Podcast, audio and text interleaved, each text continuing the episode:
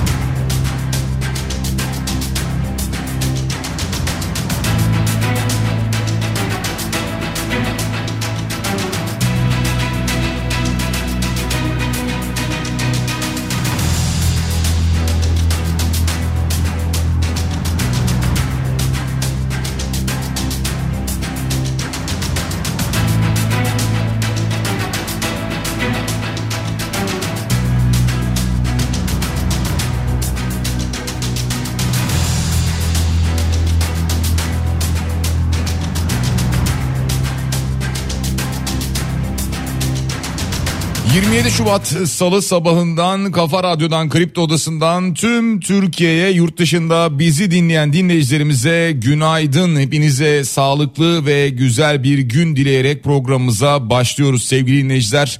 Bugün de Kripto Odası'nda saat 10'a dek sizlerle birlikte olacağız. Gündemdeki başlıkları değerlendireceğiz. Sizler de görüşlerinizle fikirlerinizle programa katılmak isterseniz Twitter üzerinden güçlü mete yazarak bana ulaşabilirsiniz. WhatsApp hattımızın numarası 0532 172 52 32.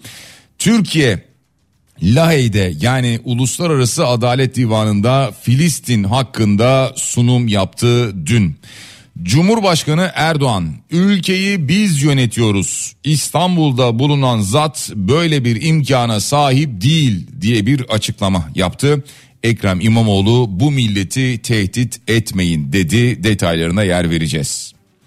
Anayasa Mahkemesi Başkanı Zühtü Aslan'dan bir açıklama geldi. Anayasayı bağlayıcı olarak yorumlama yetkisi Anayasa Mahkemesi'ne aittir dedi. AK Parti'den Ömer Çelik bir açıklama yaptı. Atatürk'le ilgili her türlü kötü, çirkin sözün karşısında oluruz dedi Ömer Çelik. Murat Kurum dün mal varlığını açıkladı. Bunları da paylaşacağız. Seçil Erzan davasında gelen yeni bir rapor var. Seçil Erzan'ın arama kayıtları, internet üzerindeki arama kayıtları ve aynı zamanda bazı kişilere yapılan ödemelere ilişkin çeşitli fotoğraflar da yayınlandı. Daha doğrusu bunlar rapor olarak mahkeme dosyasında yer aldı. Daha sonra basında yayınlandı. Türkiye Cumhuriyeti Merkez Bankası'nın yapmış olduğu bir çalışma var. Bu çalışmadan şunu anlıyoruz ki ticari gayrimenkul fiyatları %98.2 artmış Türkiye genelinde. Bakan Vedat Işıkan kademeli emeklilikle ilgili bir açıklama yaptı. Hem bununla ilgili hem de staj mağdurları ile ilgili bir çalışmamız yok dedi. Bir kez daha benzer bir cümleyi kurdu bakan. Kredi kartlarına taksit kaldırılıyor mu? Kaldırıldı mı? Kaldırılacak mı? Şimdilik gelen bilgi bu taksit kaldırıldığı iddiası yalanlandı iletişim başkanlığı tarafından.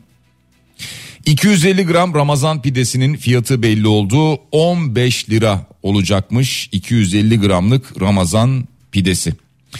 Madende dün bir göçük meydana geldi. 4 işçi vardı ki 4 işçi de kurtarıldı. Neyse ardından gelen haber iyi oldu. Diyarbakır'daki galeri sitesi davası devam ediyor. İkinci duruşma vardı. İnanılmaz açıklamalar da var. Bunlara da yer vereceğiz ama risk raporu kayıp. Deniz Akkaya'ya 3,5 yıla kadar hapis talebi var sevgili dinleyiciler. Haluk Levent'le ilgili sözlerinden veya yazdıklarından dolayı bunları da paylaşacağız. Çanakkale'de 351 kaçak göçmen yakalandı. Dünden gelen bir başka haber ve Sirkeci Kazlı Çeşme tren hattı açıldı biliyorsunuz dün bu açılış gerçekleştirildi ve 15 gün süreyle de ücretsiz olacağı duyuruldu. Dünden gelen bir acı haber Tolga Savacı oyuncu Tolga Savacı hayatını kaybetti. 60 yaşındaydı kalp krizi nedeniyle vefat ettiği bilgisi paylaşıldı. Allah'tan rahmet diliyoruz yakınlarına ve sevenlerine sabır ve başsağlığı dileklerimizi iletiyoruz. Hemen bir de finans tablomuza bakalım. Dolar şu anda 31 lira 12 kuruş, euro 33 lira 81 kuruş, gram altın 2035 lira. Bankada şu dakika itibariyle dolar 31 lira 74 kuruş. Euro'ya baktığımızda 34 lira 45 kuruş karşılığını görüyoruz ve altının gramı 2073 lira bankada. Dolayısıyla serbest piyasada çeyrek altın şu anda bizim önümüzdeki verilerde yazdığı gibi 3458 lira değildir. 3550 liranın üzerindedir hatta 3600 lira civarındadır diye tahmin ediyorum. Borsa İstanbul'a baktığımızda dün çok az bir kayıpla kapattı. 9334 puanla kapandı dün BIST endeksi. Bakalım bugüne nasıl başlayacak. Bitcoin'de ciddi bir artış var. Neredeyse %10 diyeceğimiz kadar yani %9 civarında bir artış var dünden bugüne.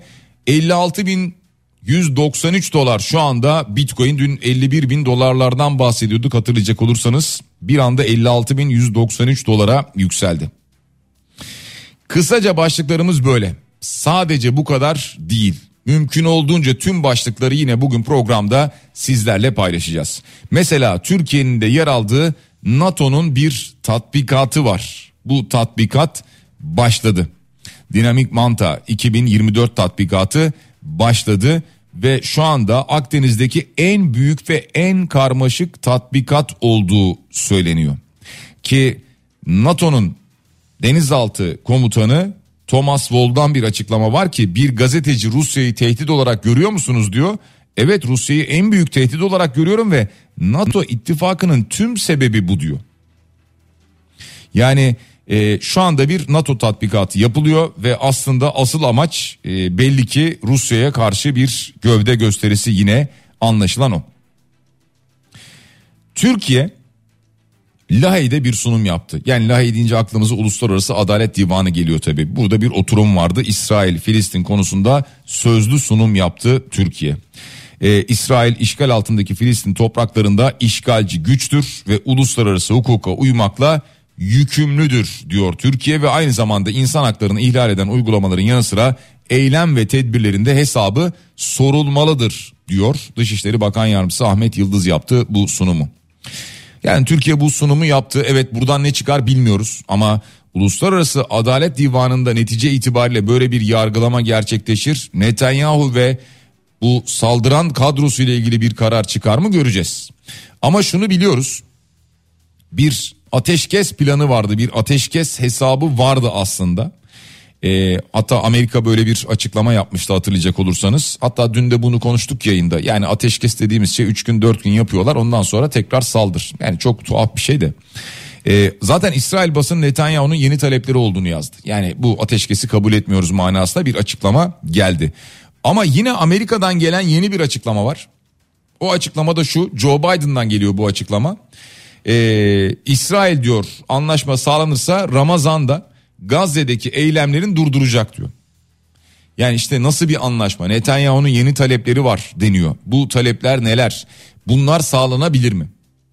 Bunlar sağlanırsa Ramazan'da ateşkes sağlanacak diyor Joe Biden. Yani işte e, diyorum ya burada aslında olması gereken şey kalıcı ateşkes.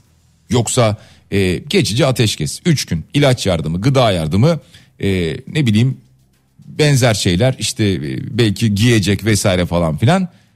Veya işte Ramazan ayında diyelim ki ateşkes ne oldu işte bir ay e, ateşkes oldu sonra vur. Yani hiçbir etiği yok zaten savaşın da netice itibariyle. E, burada da karşımıza bu durum çıkıyor. E, olacaksa kalıcı ateşkes sağlanmalı bir an evvel. Daha baksanıza kaç can gitti 30 bin civarında. Cumhurbaşkanı Erdoğan'ın yaptığı açıklamalar var sevgili dinleyiciler. Şimdi 31 Mart'ta birinciliği kimseye kaptırmayacağız diyor. Aynı zamanda AK Parti'den ayrılıp da bu partinin gölgesinde korsan siyaset yapmaya çalışana da eyvallah etmeyiz dedi. Yeniden refah kendi yolunda dedi. Genel seçimdeki tavrından kopmuş durumda diye bir açıklama yaptı aynı zamanda. Ha, bu arada bir de şu sözleri şu anda tartışılıyor. İstanbul'la ilgili bir mesaj verdi. Şu anda ülkeyi kimler yönetiyor? Bizler yönetiyoruz. İstanbul'da bulunan zat böyle bir imkana sahip mi?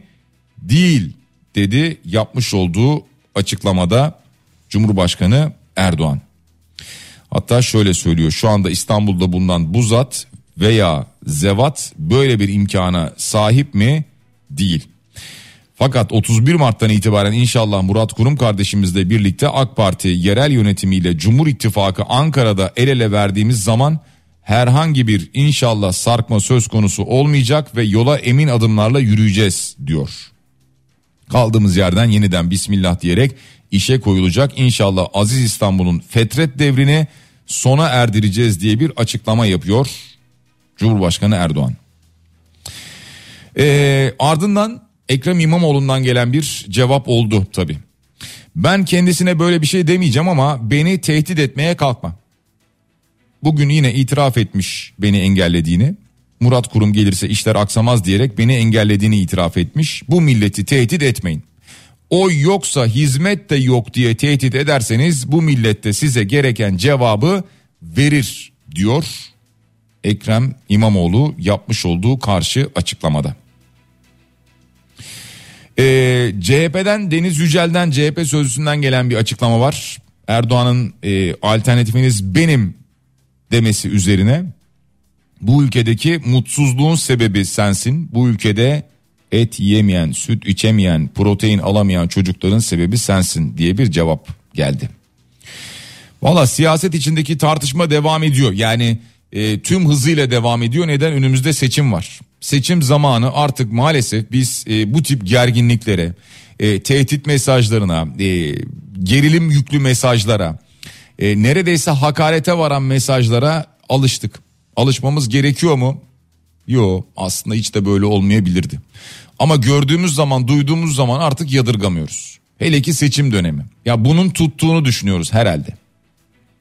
Bazen de tuttuğunu görüyoruz öyle değil mi? Ee, Cumhurbaşkanı Erdoğan'la Putin'in görüşme tarihi belli oldu gibi haberler var ama biliyorsunuz bu konuyu biz yakından takip ediyoruz bir yandan. Ee, Putin uzun süredir Türkiye'ye gelecek diye haberler yapılıyor fakat gelmedi. Geçtiğimiz seneden itibaren. İşte Haziran'da dendi ki e, Temmuz'da gelecek. Temmuz'da dendi ki Ağustos'ta gelecek. E sonra dendi ki yıl bitmeden gelecek. Sonra dendi ki yılın başında gelecek. Sonra dendi ki Şubat'ta geliyor. Şimdi dendi ki e, işte orada düzenlenecek olan e, devlet başkanlığı seçimi var Rusya'da. Dolayısıyla 17 Mart'a kadar gelmez, gelemeyecek dendi. Şimdi deniyor ki Mayıs veya Haziran'da gelir herhalde. Siz bakmayın Putin'in geleceği tarih belli oldu falan deniyor ama e, dolayısıyla burada bir netlik yok. E, bu netliğin olmamasının altında yatan bir sebep olabilir mi? O da şu olabilir. Uluslararası Adalet Divanı'nın çıkarmış olduğu yakalama kararı. Yani nerede görünürse yakalanacak ve bu süresiz bir karar. Ee, acaba Türkiye'de başına böyle bir şey gelir mi gibi bir endişe de var. Belki de Türkiye'den bir garanti bekliyor. Bilemiyoruz durumu. Anayasa Mahkemesi Başkanı Zühtü Aslan'ın açıklamaları var sevgili dinleyiciler. Anayasanın nihai ve bağlayıcı olarak yorumlanması yetkisi Anayasa Mahkemesi'ne aittir diyor. Tamam Anayasa Mahkemesi'ne aittir diye biz de biliyorduk.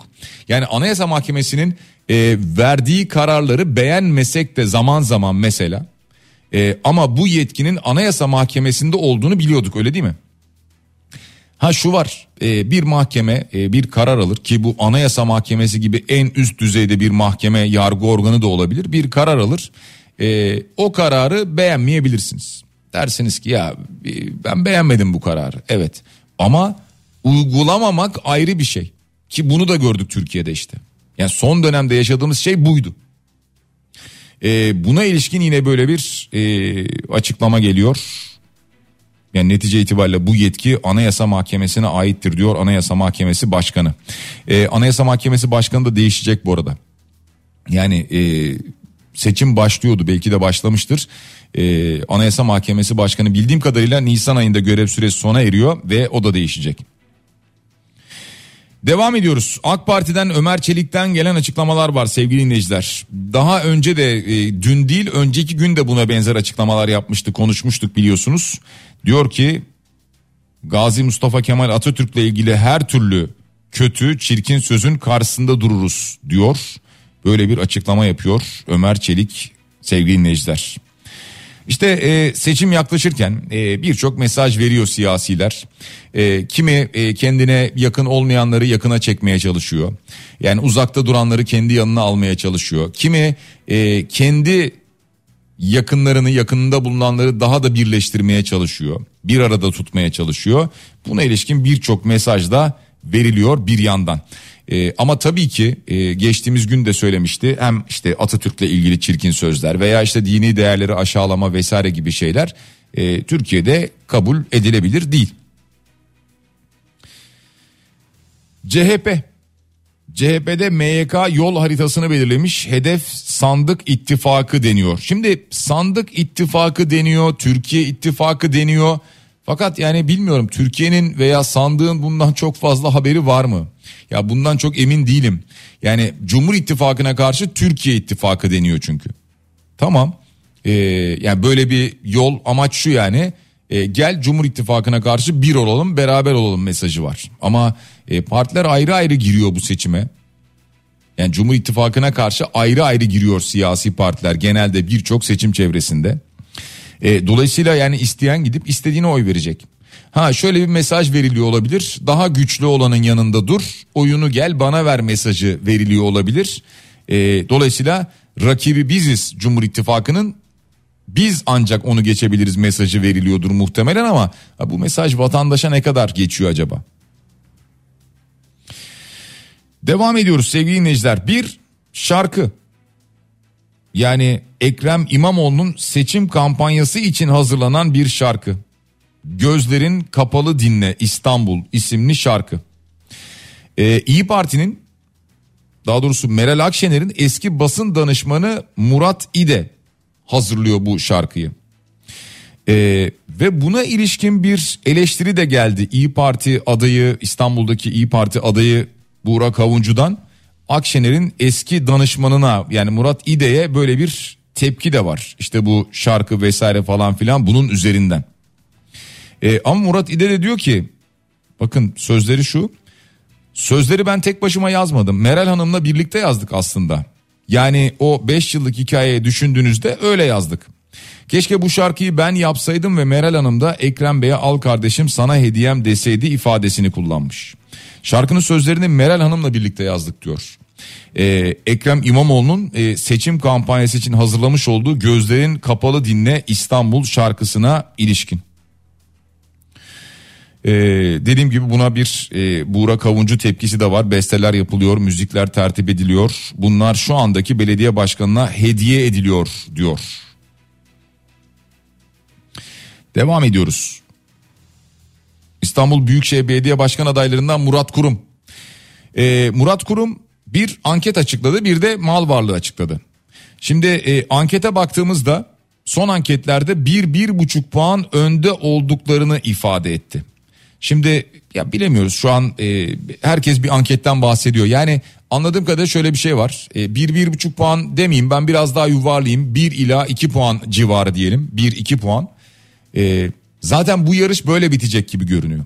Yani bir iki puan adaylardan birisi bir iki puan önde bitirecek. Yani Ekrem İmamoğlu mesela iki puan farkla kazanacak veya işte Murat Kurum iki puan farkla kazanacak gibi bir hava var. Genel itibariyle anketlere, yorumlara, tahminlere tüm bunlara baktığımızda karşımıza böyle bir tablo çıkıyor gibi.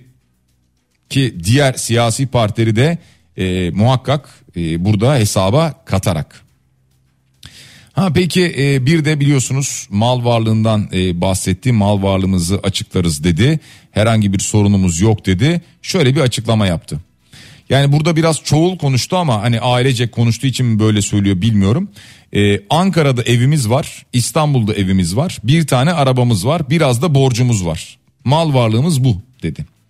Ev aldığımız için o eve olan borcumuz var. İki yıl daha borç ödeyeceğiz dedi. Böyle bir açıklama yaptı.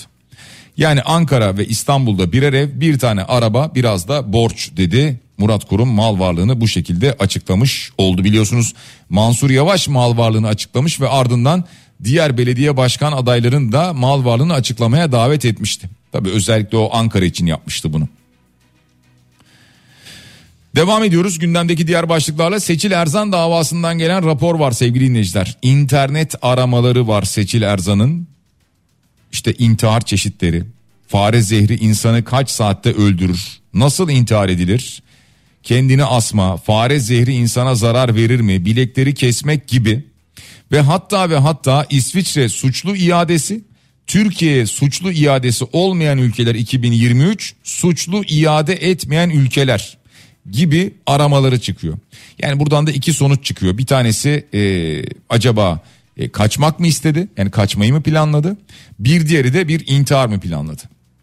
Yani şimdi e, rapordan bunlar çıkıyor ortaya e, daha önceki arama raporuna bakıldığında. Bir de bir şey daha çıkıyor ortaya ki Seçil Erzan'ın telefonundaki pek çok fotoğrafın silindiğinin tespit edildiği aktarılıyor bu raporda. Kişisel ajandasında bazı müştekiler ve hoca ve FT isminin yazılı olduğu kişilere ilişkin yaptığı ödeme kayıtları ve senetlerin bulunduğu fotoğraflara yer veriliyor. Şimdi hoca ve FT kim? Ee, şu anda e, yani herkesin aklına bir isim geliyor muhakkak ama yani bunun şu anda kesin bir durumu olmamakla beraber herhalde bunu da yargı araştırıyordur diye tahmin ediyoruz. Seçil Erzan dosyasından böyle gelen haberler oldu. Merkez Bankası e, ilk kez açıkladı ticari gayrimenkul fiyatları yıllık bazda %98.2 olarak artmış nominal bazda. Yani ikiye katlandığını görüyoruz en azından bu verilerden. Programın başında söyledik kademeli emeklilik gelecek mi? Hayır gelmeyecek çünkü Bakan Vedat Işıkhan söyledi. Staj mağdurları ve kademeli emeklilikle ilgili bir çalışmamız yok dedi bakan. E, madem böyle biraz parasal konulara girdik kredi kartı harcamalarında bir rekor artış olduğu bilgisi paylaşıldı. %147.2 artmış kredi kartı harcamaları. Peki kredi kartına taksit kaldırıldı mı? Yani zaten buna dair bir açıklama gelmedi. E, gelmediği gibi İletişim Başkanlığı Dezenformasyonla Mücadele Merkezi'de bir açıklama yaptı. Dedi ki böyle bir hayata geçirilmiş herhangi bir düzenleme yok dedi. Yani kredi kartına taksit şu an kaldırılmış değil. Ama ne konuşuluyor? Seçimden sonra bazı ürünlerin bazı alanlarda kredi kartına taksit sınırlaması getirilebilir deniyor sıkılaşma politikası çerçevesinde. Ama perakendicilerden de gelen bir açıklama var ki kartla harcamaya yeni sınırlama perakendeci ve vatandaşı zorlar diyorlar yapmış oldukları açıklamada. Yani böyle bir kart sınırı gelecek mi gelmeyecek mi? Yani daha doğrusu kartta bir e, taksit sınırı gelecek mi gelmeyecek mi? Ben size söyleyeyim bunu biz seçimden sonra görürüz. Yani 1 Nisan sabahı olmaz ama e, Nisan'da Mayıs'ta e, biz bunu görmeye başlarız. İşte Mayıs'ta zaten baz etkisiyle vesaire falan enflasyonun da çok yükseleceğini herkes bekliyor. E, o süreç içerisinde görürüz. Ve son bir haber daha bu bölümde. Ramazan pidesinin fiyatı belli oldu. Ramazan yaklaşıyor. İstanbul ve Ankara'da 250 gram Ramazan pidesinin fiyatı 15 lira olarak belirlendi. 15 lira olacakmış 250 gramlık Ramazan pidesi. Şimdi bir reklam aramız var sevgili dinleyiciler. Reklamların ardından diğer aktardığımız başlıklarla devam edeceğiz programımıza. Reklamların ardından yeniden buradayız ve Kripto Odası devam ediyor. Gündemdeki başlıkları değerlendirmeye biz de devam ediyoruz. Birçok haber var paylaşacağımız. Elazığ'da dün krom madeninde bir göçük meydana geldi. Neyse ki buradan iyi haberler geldi ardından. işçilerden biri kendi imkanlarıyla göçük altından çıkmıştı. Ardından 3 işçi de ekipler tarafından kurtarıldı. Tabi bu maden ocağındaki göçükle ilgili olarak adli ve idari soruşturma başlatılmış. Öncelikle işçilere geçmiş olsun. E, tabii bir yandan e, aklımız Erzincan'da İliç'te ya da belki de unutanlar var çoktan hayat devam ediyor. Ama maalesef e, 9 işçiye halen ulaşılamadığı gibi aynı zamanda şu anda ulaşmayla ilgili bir çalışma da yok. Çünkü önce bölgedeki diğer toprak kayması tehlikesini ortadan kaldırmaya çalışıyor oradaki ekipler. Önce bu ortadan kaldırılacak. Daha sonra o işçilere ulaşılmaya çalışılacak. Daha önce de söylemiştim bir uzmanın deyimiyle ifadesiyle 12 kat bir binanın altında kaldıklarını düşünün diyordu. Çok acı. Oradaki aileler için de şu anda çok acı bir bekleyiş devam ediyor. E, bu arada Erzincan'daki altın madeninin altından geçen faya ilişkin bir açıklama geldi. Maden Tetkik ve Arama Genel Müdürlüğü'nden. Maden bölgesindeki diri fayın bulunduğunu ve herhangi bir fayın da haritalarından silinmediğini açıkladı Maden Tetkik ve Arama Genel Müdürlüğü. Şimdi hatırlayacak olursanız buna ilişkin açıklamalar gelmişti. Bu aslında MTA'nın haritasından silinmiş denilmemişti. Burada bir rapor alırken daha doğrusu bir başvuru yapılırken bu bölgede bir fay hattı yok diyerek bir başvuru yapıldığı iddia edilmişti. Yoksa tabii ki burada bir fay hattı var. MTA'nın göstermiş olduğu bir fay hattı da var. Ama nasıl izin alındı peki bu bölgede maden çalışmasına? O zaman bu düşünülüyor. Yani burada işlerin her an bir risk altında olduğu, madenin sürekli bir göçük tehlikesiyle karşı karşıya olduğu, doğanın siyanürden dolayı sürekli bir tehlike altında olduğu o zaman bilinmiyor muydu? Yani bütün soru bu. Yani birkaç soru veya söyleyelim bunlar.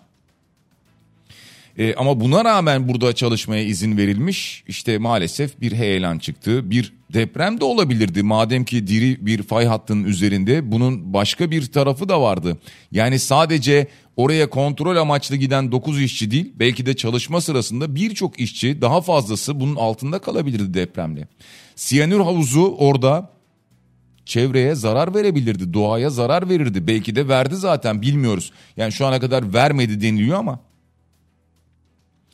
Devam ediyoruz. Bakın e, galerya sitesi davasının ikinci duruşması devam etti. 6 Şubat'taki e, ilk depremde bir bloğu yıkılmıştı. 89 kişi hayatını kaybetmişti Diyarbakır'da galerya sitesinde. Burada 4'ü tutuklu 3'ü firari 7 sanık yargılanıyor. Ee, inşaat mühendisinin konuşmaları var. Zeminin zayıf olduğunu tespit ettik. Raporumuzu verdik diyor. Bizim önerimiz bu haliyle temellerin yapılmamasıydı diyor. E, taşıma gücü zayıf dedik diyor. Fakat bu arada şöyle bir şey var. Bu yerde risk olduğunu söylemiştik. Rapor kaybolmuş diyor. Malzemeler de önemli ama en önemli aktör kolon kesilmesi diyor. Bakın kolon kesilmiş. Ee, burada denilmiş ki taşıma gücü zayıf. Zemin zayıf. Yapmayın diye rapor vermişler. Ama bu risk raporu kayıp. Ha, burası Türkiye maalesef. 89 kişi hayatını kaybetti. Risk raporu ortada değil. Dünkü davadan gelen en önemli başlık belki de bu oldu. Bu arada Çevre Şehircilik ve İklim Değişikliği Bakanı Mehmet Özhaseki Kahramanmaraş'ta bir konuşma yaptı ki diyor ki gelecek senenin ortalarına kadar bütün hak sahiplerinin konutlarını bitirmiş olacağız. Şimdi bakın e, gelecek senenin ortalarına kadar diyor. E, geçtiğimiz sene 6 Şubat'ta oldu depremler değil mi? Yani üzerinden e, şu anda bir sene çok rahat geçti. Bir seneyi geçtik gidiyoruz. Gelecek senenin ortaları deyince yani 2025'in Mayıs Haziran'ı diye anlıyorum ben bunu. E, demek ki iki buçuk yıl sonra neredeyse insanlar evlerine kavuşabilecekler. Oradaki yaşam çok zor. Hayat koşulları şu anda orada çok zor gerçekten. İnsanlar e, işte oradaki e, barakalarda vesaire falan konteyner kentlerde, evlerde, oralarda kalıyorlar. Orada hayatlarını devam etmeye çalışıyorlar. Demek ki daha bir kısmı en azından e, bir buçuk sene daha aşağı yukarı bekleyecek anlamına geliyor. Ki onlar da umarız yeni evlerine girdiklerinde sağlam evlere girmiş olurlar. Marmara'da batan gemiden gelen görüntüler var cüzdan, ayakkabı, kıyafetler, pantolon, gömlek vesaire falan bunlar bulundu bu kez. E, eşyaların kime ait olduğu incelenecekmiş ama yani bu çok da mühim mi bilmiyorum. E, evet belki yakınlarına verilir vesaire falan bu açıdan bakacaklar ama önemli olan e, şu anda 4 personele henüz daha ulaşılamadı. Yani belki de onlar e, gemide değiller o nedenle ulaşılamadı. Belki akıntıyla bir yerlere sürüklendiler ama şu ana kadar gelen başka bir haber olmadı Marmara'da batan gemiyle ilgili. Tabi bir yandan sebebi de araştırılıyor. Yani su aldığı söyleniyor tabi battığı için ama e, neden nasıl bunların hepsi araştırılıyor. Devam ediyoruz sevgili dinleyiciler. Haluk Levent hakkında bir iddia ortaya atmıştı Deniz Akkaya. Depremzedelerin parasını çalıyor nitelikli dolandırıcı diyordu Haluk Levent'le ilgili ve başlatılan soruşturma tamamlandı. Haluk Levent'in şikayeti üzerine hazırlanan iddianamede Deniz Akkaya'ya 3,5 yıla kadar hapis cezası talep edilmiş sevgili dinleyiciler. Evet tabii bu e, bir süreç bundan sonra dava süreci olacak e, bir uzlaşma da zaten sağlanamamış e, anlaşılan o ama bundan sonraki süreç içerisinde nasıl bir ceza çıkar ceza çıkar mı göreceğiz takip ederiz. Milli Eğitim Bakanı Yusuf Tekin'den gelen bir açıklama var sevgili dinleyiciler. Öğrencilerin sınıf tekrarı ve devamsızlık affı ile ilgili aldıkları karar konusunda taviz vermeyeceklerini söylemiş. Böyle bir açıklama yapmış bakan. E, yani kararımız nettir diyor. Arkasında duruyoruz. Taviz vermeyeceğiz diyor. Dün Sirkeli e, pardon Sirkeci Kazlı Çeşme raylı sistem hattı açıklandı. Daha doğrusu açıldı. E, şimdi gözüm şuna takıldı da o yüzden takıldım. Yaya odaklı yeni nesil ulaşım projesi dendi buna. Yaya odaklı denilen şey şu orada çift hat yani gidiş geliş raylar vardı tren için. O raylardan biri kaldırıldı sadece tek ray üzerinden tren gidip gelecek. Ve yaya odaklı yeni nesil ulaşım projesi denmesinin sebebi şu diğer rayın olduğu tarafa da işte bir yaya ve bisiklet yolu yapıldı. Bunun adı da yaya odaklı yeni nesil ulaşım projesi oldu. Yani e, nereden bulunmuş bu isim, kim bulmuş bu ismi ben bilmiyorum ama e, neticede yanına bir yaya yoluyla e, bir bisiklet yolu yapılmış. İhtiyaç var mıymış buna orada? E, o da ayrı bir soru işareti. Yoksa acaba e, gidiş geliş tren olsaydı daha mı iyi olurdu? Çanakkale'nin Gökçeada ilçesinde biri sahipli olmak üzere 14 köpeğin zehirlenerek öldürüldüğü bilgisi paylaşıldı. Ki o bölgede ilçede veterinerlik yapan e, Ali Kutluca e, diyor ki direkt kana karışan çok kuvvetli bir zehire maruz bırakıldılar diyor ki e, Gökçeada Belediye Başkan Vekili Ercan İpek de konunun ayrıntılı olarak araştırıldığını söylemiş. Şimdi Gökçeada'dan gelen böyle bir e, köpek katliamı haberi var. 14 köpek zehirlenerek öldürülmüş. Aynı zamanda e, biliyorsunuz e, belki de bilmiyorsunuz dün e, sosyal medyada konuşuluyordu. E, Bodrum'da Akyarlar'da da yine zehirlenerek öldürülen köpekler kediler oldu. Ya bunları kimler yapıyor? Tabii elbet araştırılıyordur ama hani araştırıldı, bulundu, bulunmadı, cezası vardı, yoktu vesaire falan derken olan maalesef doğada bizimle yaşayan, bizim gibi bizimle yaşayan diğer canlıları oluyor. Yani işin acı kısmı bu. Ee, yani kim nasıl bir anda bunu gerçekleştirebiliyor ve kimse nasıl görmüyor? Yani demek ki böyle bir e, sistematik bir çalışma mı acaba?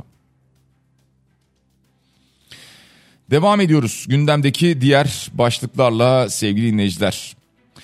Ee, dünyanın en güçlü pasaportları sıralaması var. Şimdi burada baktığımızda 5 yıldır listenin ilk sırasında yer alan Singapur ve Japonya'ya bu yıl Fransa, Almanya, İtalya ve İspanya'da eklenmiş.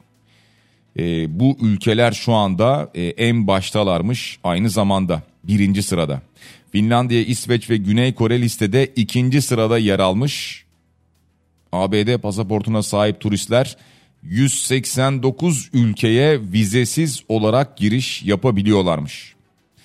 Türkiye ise 118 ülkeye vizesiz erişimle listenin 54. sırasında yer almış.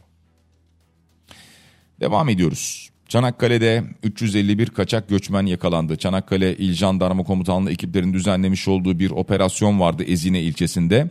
3 e, araç içinde kaçak göçmenler bulundu. Gözaltına alınmış 5 organizatör, 3'ü de tutuklanmış.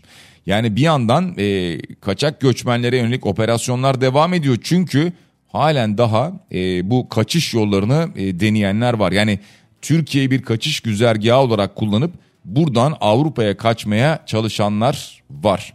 Genelde e, Suriyeliler, Afganlar oluyor. Genel itibariyle yani onlar yakalanıyor ağırlıklı olarak. Devam ediyoruz. Kızılcık Şerbeti'nde oyuncu değişikliği haberleri var da neden e, bu haberden bahsediyorum? E, şimdi Settar Tanrıören biliyorsunuz bir e, beyin kanaması geçirdi. E, ardından da e, kendisinin diziden ayrıldığı bilgisi paylaşıldı. E, öncelikle geçmiş olsun. Yani bir an evvel e, dileriz ki sağlığına kavuşur e, Settar Tanrıöven. E, en büyük isteğimiz tabii ki bu. Yerine de Ahmet Mümtaz Taylan e, geliyormuş şimdi e, bu rolü oynamaya. Devam ediyoruz. Marmara'da müsilaj tehlikesiyle ilgili uzmanlar uyarmaya devam ediyorlar. Yani diyorlar ki Afrika'dan gelen bir sıcak hava dalgası bu nedenle termometreler mevsim normallerinin üzerinde seyrediyor. E, bu durum biraz daha sürer ama bu kış günü gelen yalancı bahar da beraberinde bir takım tehlikeler getirir ki bunlardan bir tanesi de Marmara'da yeniden bir müsilaj ihtimali. Buna uygun bir zemin hazırlanıyor diyor. Yüksek seyreden deniz suyu sıcaklıkları da aynı şekilde. Ee, şimdi umarız olmaz, umarım olmaz diyeceğiz ama e, maalesef biz umuyoruz inşallah maşallah diyoruz onunla olmuyor bu iş. Marmara Denizi bir yandan kirletilmeye devam edildiği sürece e, bu bizim başımıza bu sene gelmese önümüzdeki sene gelecek. Önümüzdeki sene gelmese 3 sene sonra gelecek. Yani daha önce yaşadığımız şeyi biz bir kez daha yaşarız. Denizimizi korumadığımız sürece bir atık havuzu, bir zehir alanı yaptığımız sürece bunları yaşamaya devam ederiz. Meteorolojiden uyarı var sevgili dinleyiciler. Bolu, Karabük, Kastamonu, Kırıkkale, Yozgat, Eskişehir, Burdur ve Antalya'nın iç kesimlerine yağmur uyarısı yapıyor meteoroloji. Biz de bu uyarıyı buradan hatırlatmış olalım.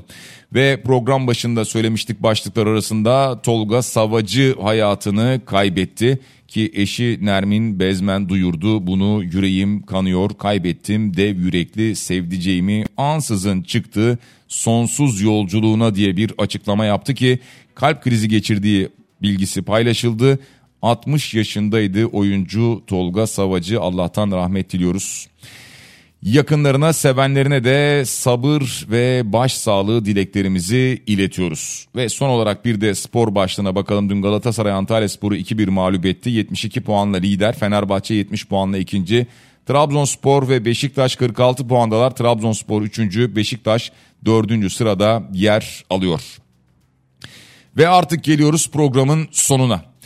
Mümkün olduğunca tüm başlıkları paylaşmaya gayret ettik. Bugün de Cenkere Teknik Masar'a teşekkür ediyoruz. Biraz sonra Bediye Ceylan Güzelce Güzel Şeyler programında sizlerle birlikte olacak. Yarın sabah aynı saat diliminde yeniden buluşana dek hepinize sağlıklı ve güzel bir gün diliyorum. Şimdilik hoşçakalın.